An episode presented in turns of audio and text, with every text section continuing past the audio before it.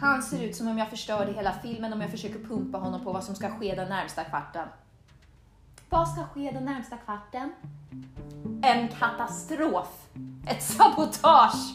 Okonstnärlig sprängladdning avfyrad mitt i den geniala planeten. Men fan ta mig om inte allt och alla är på plats när kreativiteten nyper till. Ett föredrag om den svenska anarkismen. Den svenska anarkismen. Har du hört? Vi borde kanske känna oss jävligt smickrade, vad vet jag?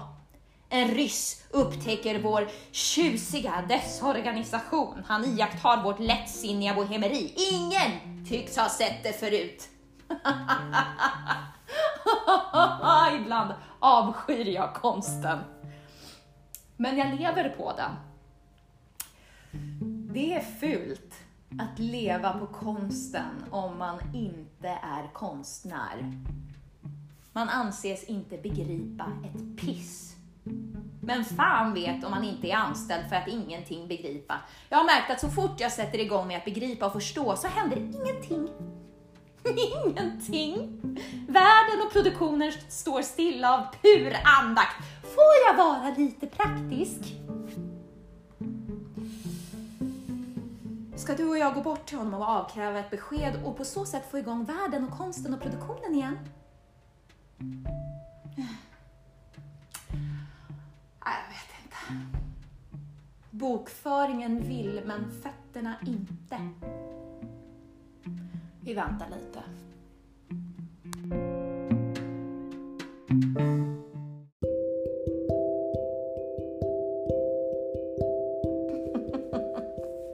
Som om allt jag säger skulle vara självklart. Det behöver inte undersökas. Jag tror inte alls att du och jag förstår varandra. Vi kan bara ana varandra. Du kan inte mitt språk. Du kan nästan inte stava till Pushkin och ändå säger du ”jag förstår” så fort jag öppnar munnen. Det är lättja. Du anstränger dig inte. Jag kan inte arbeta med människor som inte anstränger sig. Jag får hela tiden höra vad allting kostar och så anstränger ni er inte. Ni bara förstår. ja, det är obegripligt.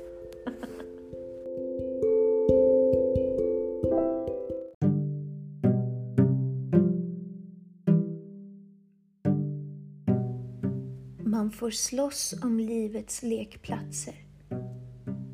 I leran, på scenen, framför kameran. Jag förstår inte varför jag är så besatt av det här.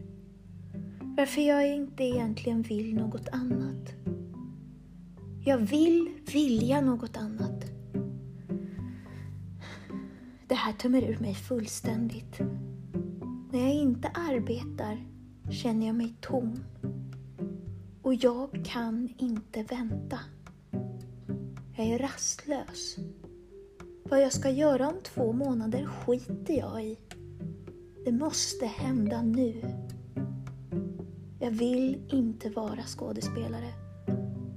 Och det är det enda jag vill vara.